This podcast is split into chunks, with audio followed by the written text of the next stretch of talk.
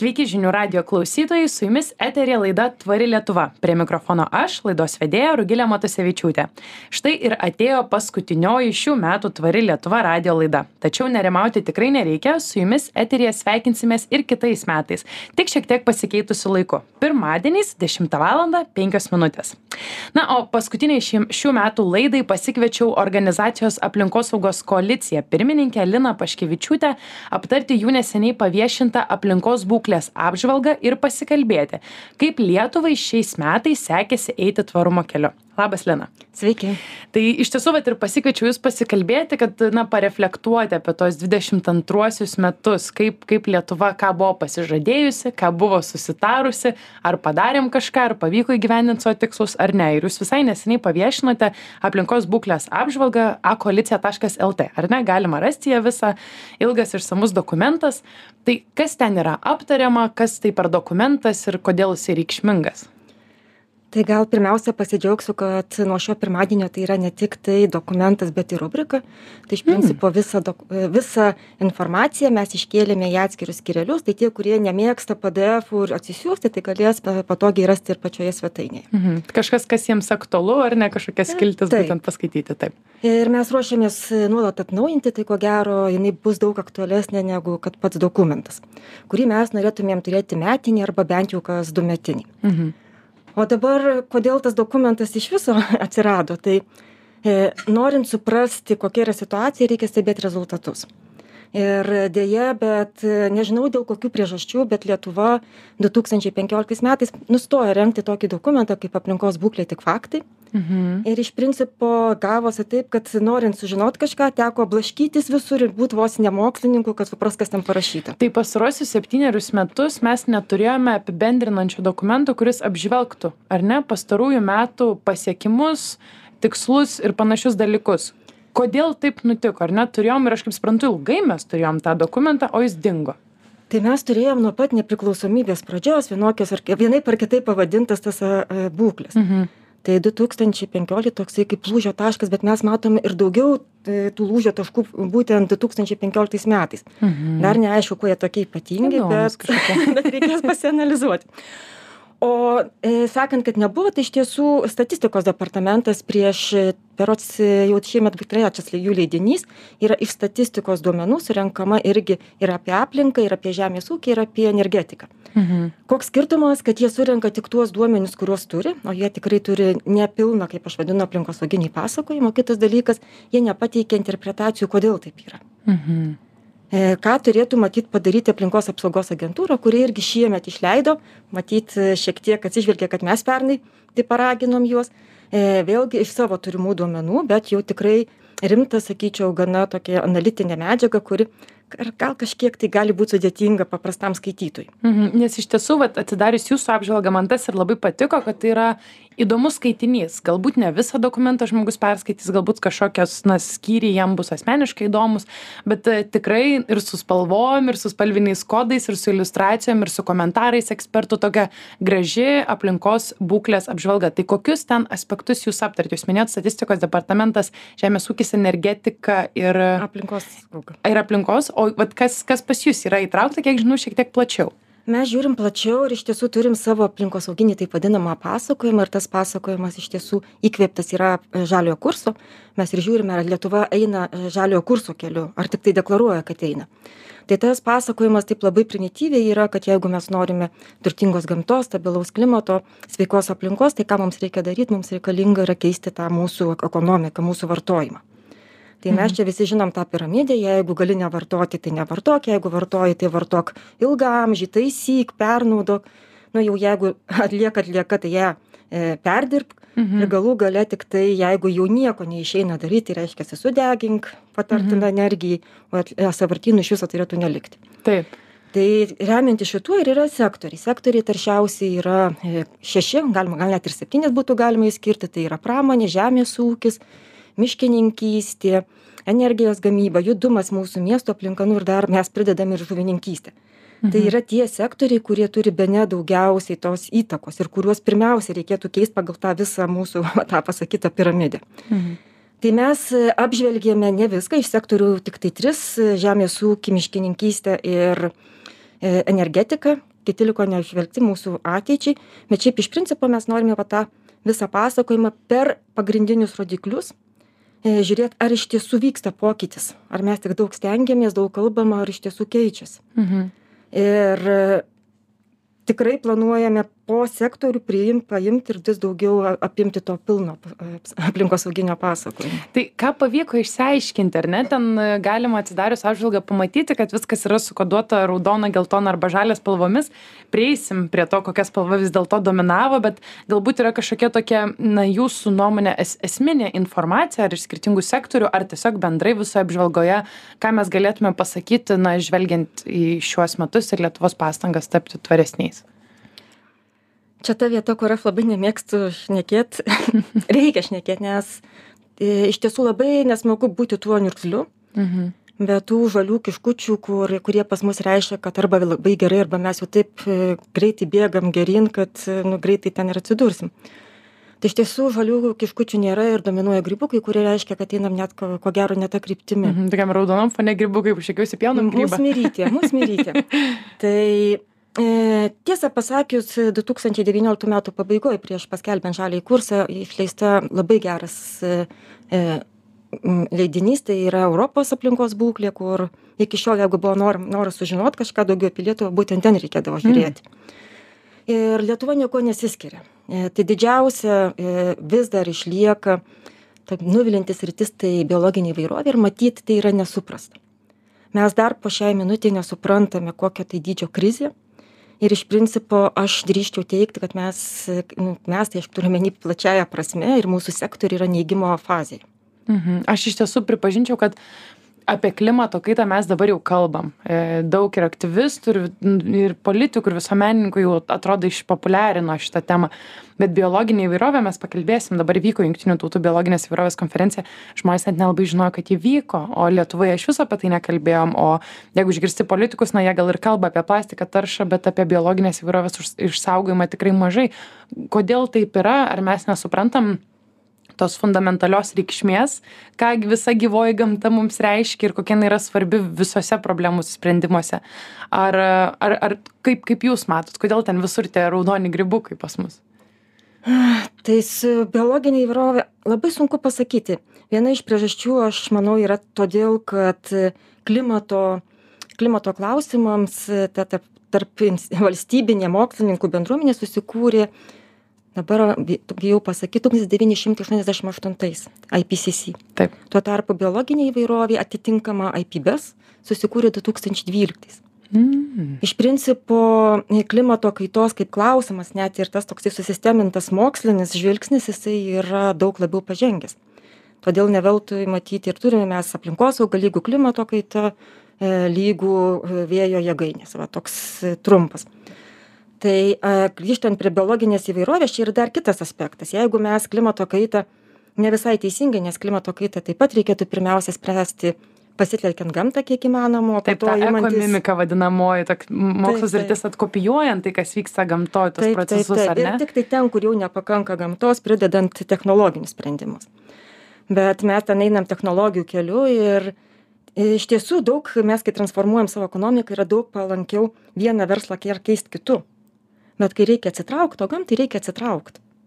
Čia prasideda problemos. Tai yra kad ir ką mes vat kalbėsime vienas iš ką susitarė kad atiduoti saugoti bent trisdešim procentų sausumos ir jūrų ploto mes kaip ir šnekėjom su um, Vilniaus universiteto mokslininku Justu Kažiu, kad uh, būtent apie kopą aptarnėdami ir apskritai, na, kodėl taip sunku yra tą progresą gauti. Ir jisai sako, na, gamta turi tapti prioritetu.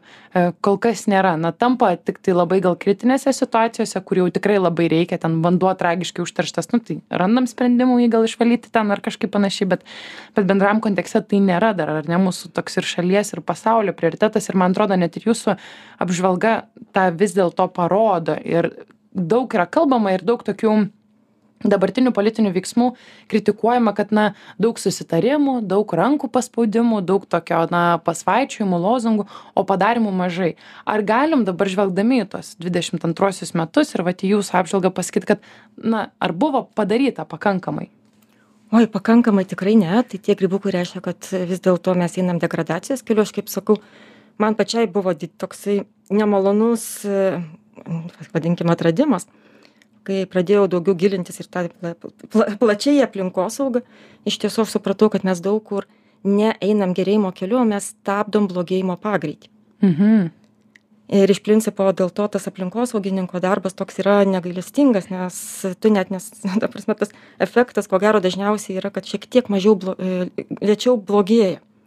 Tai čia mes matom, pavyzdžiui, su plastikais. Nebuvo mūsų e, apžvalgoje, bet mes tą labai patys jaučiame, kaip to plastiko į mūsų gyvenimą vis ateina daugiau, daugiau. Tai staiga, va, jums kavinėse net su plastikinė pirštinėlė didinėja e, saldumynus, kiekvienam vis panauja paimdami ir tas e, matosi. Tai to yra ir su biologinė įvairovė, ir dėja klimatas, klimato kaita, kuri yra kaip ir suprasta.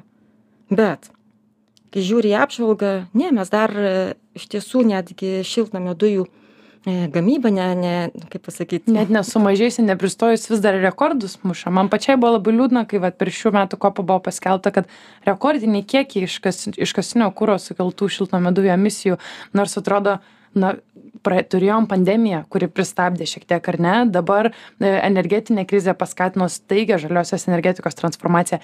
Mes vis tiek mušam rekordinius kiekius. Lietuva nemuša lietuvos mhm. dvidešimtais metais nes mes turim dviejų metų atsilikimą mhm. pradėjo mažėt. Klausimas ar tai nėra dėl karantino? Mhm. nes turėjo daug mažiau suma sumažėt kai mes buvom karantine. Ir didžiausia problema ir vėlgi mes grįžtam prie gamtos tai kad mūsų gamta su kiekvienais metais vis mažiau ir mažiau absorbuoja anglies dvideginį. O kodėl taip nutinka? Kodėl? Čia jau matyt reikėtų atsižvelgti, ats, e, žiūrėti į miškininkus. Mhm. E, aš sakyčiau, tas sumažėjimas labai sutampa e, gana tiksliai 2010 metai su kirtimų normos e, padidinimu gana smarkiu, bet ataskaitose tas nėra taip įvardyjama. Tai čia jau palieku spręsti ir mes tiesą pasakius dar palikome šitą, šį, šį klausimą detalizuoti ir e, diskutuoti ir dėl to net ir nėra tokio aiškaus pasakymo, kodėl. Mhm.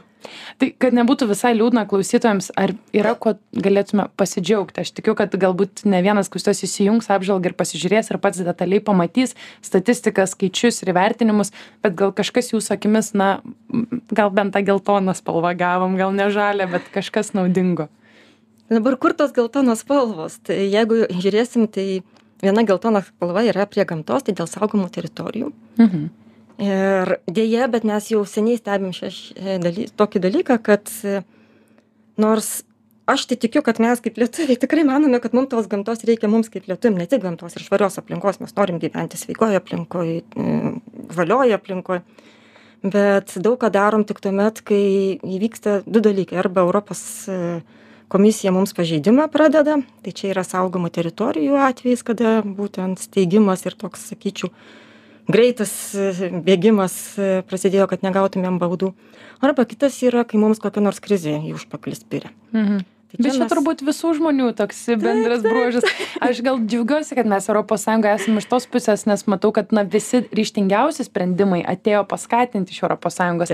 Lietuva vis dar vangiai nori būti lyderiai ir kažkur priimti drąsų sprendimą, kur galbūt ES dar mūsų nespaudžia priimti to sprendimo. Čia daug yra pavyzdžių tame, bet na, kur ten vat kaip ir jūs sakot ten kur jau europos sąjunga mus prispaudžia pagrasina baudom tada tas progresas greitai įvyksta ar ne ir saugomos teritorijos yra to pavyzdys. Ten tikrai nėra gerai. Mhm. tikrai ten yra dar vis išlieka toks faktas kad tarkim jeigu imam miškus trečdalis miškų yra saugomose teritorijose. Bet mhm. du trečdaliai saugomų teritorijų miškų tai yra tie patys ūkiniai. Tas režimas nedaug skiriasi nuo to kad už saugomų teritorijų. Ai tai dėl to kad tai iš principo E, ta apsauga yra neadekvati ir, ir netgi ten, kur, tarkim, atrodo net ekologijai skirti miškai, jie vis tiek gali būti ten iškertami. Bet čia yra jau niuansai, matyt, eikim galiau prie tokių, kur, kur dar gerai lietuvai sekasi. Taip, taip. Tai matyt visi mes, ką dabar jaučiame, tai krizė mums spyrė ir mes dabar jau greitai, greitai atsinaujinančius energijos šaltinius dėgiam, atnaujiname. Ir čia, kas yra svarbu, kad E, pagaliau pradėjom rūpintis ir taupymu nors taupymas apskritai turėjo būti nežinau kada čia pirmas žingsnis bet ką darant tai yra jeigu jeigu gali nevartoti nevartok tai buvo labai keista klausyti kai apie žaliąjį kursą mes jau kiek čia metų kalbame ir staiga tiktai dabar institucijos sak sako mes persukame pačias į taupes nes reikia taupyti mhm. bet čia visada piniginė paskata yra pagrindinė paskata Taip, taip, man atrodo taip. kuri ir mes matome kas vyksta su tais atsinaujinančiais. Bet čia yra dvi tokios rizikos. Viena rizika tai yra kada mes norim tas technologijas kuo greičiau sudiegti tai galime pradėt šiek tiek laisviau žiūrėti vėl į tą pačią gamtą. Nes reikia greitai su sudiegti greitai pastatyti. Tai aš dar neturiu iki galo atsakymo ar lietuvoj tai yra didelė problema. Nes aš vis dar tikiu kad į saugomas teritorijas e, su tom infrastruktūriniais projektais neis o kitose jautriose nesu iki galo tikra. Faktas kad yra pasakyta kad kraštovaizdis mums ne taip svarbu ir netgi tuo džiaugiamasi. Aš tuo nesu tikra ar tai teisingas e, požiūris. Net sakyčiau neteisingas nes mes norim turėti tas e, konvencines gražias vietas kur nebūtų to sakykim bet kokio to triukšmo vadinkim technologinio. Mhm. e, kita yra tokia rizika tai jeigu norime greitai greitai greitai e, sudiegti infrastruktūrą e, kiek yra kiek įtraukiame vietinius gyventojus. Taip čia galėsim apie kopą šnekant kad vietiniai gyventojai dabar yra labai prioritetas iš tiesų ypatingai biologinė įvairovė atkreipiamas pagaliau dėmesys. Vietiniai tai nebūtinai kažkur pasaulyje borneo saloje bet ir čia vietiniai tai yra tas pats tai yra žmonės kurie žino supranta tą gimtąją savo aplinką ir gali na turbūt kokybiškiausiai ir geriausiai pasakyti ko tai na erdvei reikia ar ne tai čia yra ta vat rizika yra ir jeigu nepavyks jos suvaldyti tai iš principo mes turėsime po kelių metų tiktai tą tokį atmetimo reakciją mhm. kur jeigu mes sugebėsim darniai įeiti į, į tas vietoves tuomet ir vietiniai gyventojai nesipriešys o ar pavyks tai pamatysim čia yra kelių metų klausimas ir ar bus atmesta ar nebus Mhm. atmesta tai ką mes padarėm E, Tiems, kurie nesiniai įsijungia radiją, primenu, kad eterėje girdite laidą Tvari Lietuva, prie mikrofono aš, laidos vedėja Rugilė Matosevičiūtė. Ir šiandien laidoje aptarėme visus praėjusius 22 metus ir kaip Lietuvai sekėsi šiemet žengti aplinkosaugos ir tvarumo keliu. Su manimi kalbasi organizacijos aplinkosaugos koalicija pirmininkė Lina Paškevičiūtė. Lina, taip užsikalbėjom, liko vos penkios minutės mūsų pokalbio, bet norėčiau šiek tiek paliesti ne tik Lietuvą, bet ir pasaulį. Ką tik įvyko didžioji Junktinių tautų biologinės įvairovės konferencija COP15, e, vyko ji Kanadoje. Tai galbūt galite šiek tiek klausytams pasakyti, kas tai renginys, kodėl svarbus šitas, nes ar nesvarbus šis renginys ir, ir ką vertėtų apie jį žinoti. tai kop tai yra reikėtų iššifruot lietuviškai šalių pasirašiusių konvenciją susitikimas tai tų konvencijų yra ne viena tai i konkrečiai dabar vyko biologinės įvairovės konvencijos. Prieš mėnesį lapkritį vyko kop dvidešim septyni tai buvo klimato e, susitikimas šalių.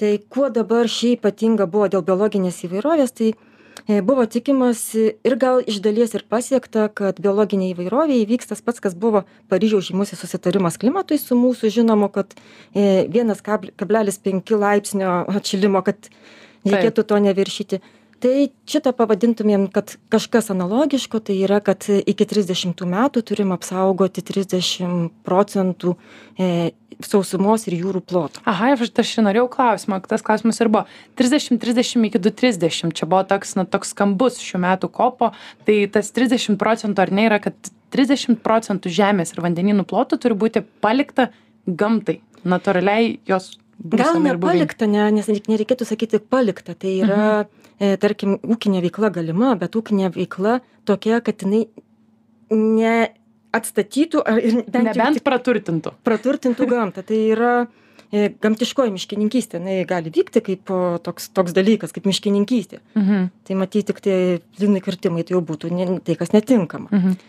Tai įvyko tas susitarimas Kundmingo Monrealio, ar ne? E, tai tas 30-30 buvo toks garsiausias. Lietuva, tarkime, galime mes pasiekti tokio susitarimo realiai, tos 30 procentų skirti, nes dabar skaičius yra, mano žiniomis, ženkliai- 18. 18, ar ne? Na tai ir 12 dar procentų. aštuoniolika neatitinka tų kriterijų nes aš kaip sakiau nėra efektyvios apsaugos Taip, ir tas neseniai vykęs nacionalinis miškų susitarimas parodė, kad net ir dėl to 18 sunku susitarti ir 20, o ką jau kalbėti apie 30. Tai ar nėra čia eilinis toks, na, skambus susitarimas ir kas iš to, kaip, kaip bus realybėje? nežinau. Iš tiesų yra daug e, baimių. Kuo skiriasi šitas susitarimas? Jeigu klimato susitarimui mes paryžiaus susitarimui mes turime tokį sąvoką kaip nac individualūs šalių įsipareigojimai. Kiekviena šalis o lietuva per sąjungą yra įsipareigojusi. Tai biologinė įvairovė to dalyko neįvyko. Bet europos komisija turi euro biologinės įvairovės strategiją ir dabar yra kaip tik svarstomas teisiškai įpareigojantis gamtos atstatymo reglamentas. Iš principo jeigu jį o aš tikiu kad pavyks vienokia ar kitokia apimtimi priimti tai tuomet atsiras tas teisiškai įpareigojantis šalims nu pasiskirstymas kiek kuri šalis turėtų padaryt bet tiesą pasakius ir žiūrint į klimatą tos vilties nėra bet aš vis tiek esu linkus nenurašyti tų kopų nes iš principo tiek klimatas tiek gamta yra globali. Tai yra vienintelis formatas kur iš viso galima tartis. Mums reikia tartis nes tai yra paskutinis vadinkime taip šansas. Ir mums kaip šalims yra privalu jų laikytis. Tai matyt mes kaip piliečiai dėl ko aš pereisiu prie apžvalgos. Mes šitą apžvalgą ir norime parodyti e, tiems kam rūpi kad jie žinotų ar yra rezultatas mhm. Nes ir mes... parodyti, kad yra kam rūpi, kas tikrina ir stebi ir kad, na, kažką Taip. pasižadėjus reikės įgyvendinti. Tai mums tos tarptautinės susitarimai iš principo pasako, kur mums reikėtų eiti. O tada mes jau piliečiai, e, mūsų pareiga yra reikalauti iš savo valdžių, kad įgyvenintų, kad eitų tą kryptimį. Mhm tai iš tiesų laida jau atėjo į pabaigą labai įdomiai šnekėjomės tiems kas nori išgirsti daugiau ir apie kopą ir apie aplinkos būklę. Tai galite nueiti akoalicija taškas lt taip pat tvari lietuva taškas lt daug apie tai kalbame. O aš deja turiu atsisveikinti. Ačiū lina jums už pokalbį. Ir ir klausytojams primenu kad eteryje girdėjote laidą tvari lietuva prie mikrofono buvau aš laidos vedėja rugilė matusevičiūtė. Šiandien kalbėjome su aplinkosaugos koalicijos pirmininke lina paškevičiūte apžvelgėme du tūkstančiai antruosius metus lietuvoje kaip mums sekėsi sekėsi eiti tvarumo keliu ar pasiekėme savo tikslus aptarėme cop penkiolika biologinės įvairovės konferenciją. Na o klausytojams labai noriu padėkoti kad esate kad klausote kad kuriate tvaresnį pasaulį drauge su mumis. Šiais metais su jumis jau atsisveikinu tačiau tvari lietuva tęsis ir kitą savaitę nauju laiku pirmadieniais dešimtą valandą penkios minutės ir toliau galėsite klausytis tvarios lietuvos. Na o kol laukiate naujos mūsų laidos daugiau tvarumo naujienų rasite www taškas tvari lietuva taškas lt ačiū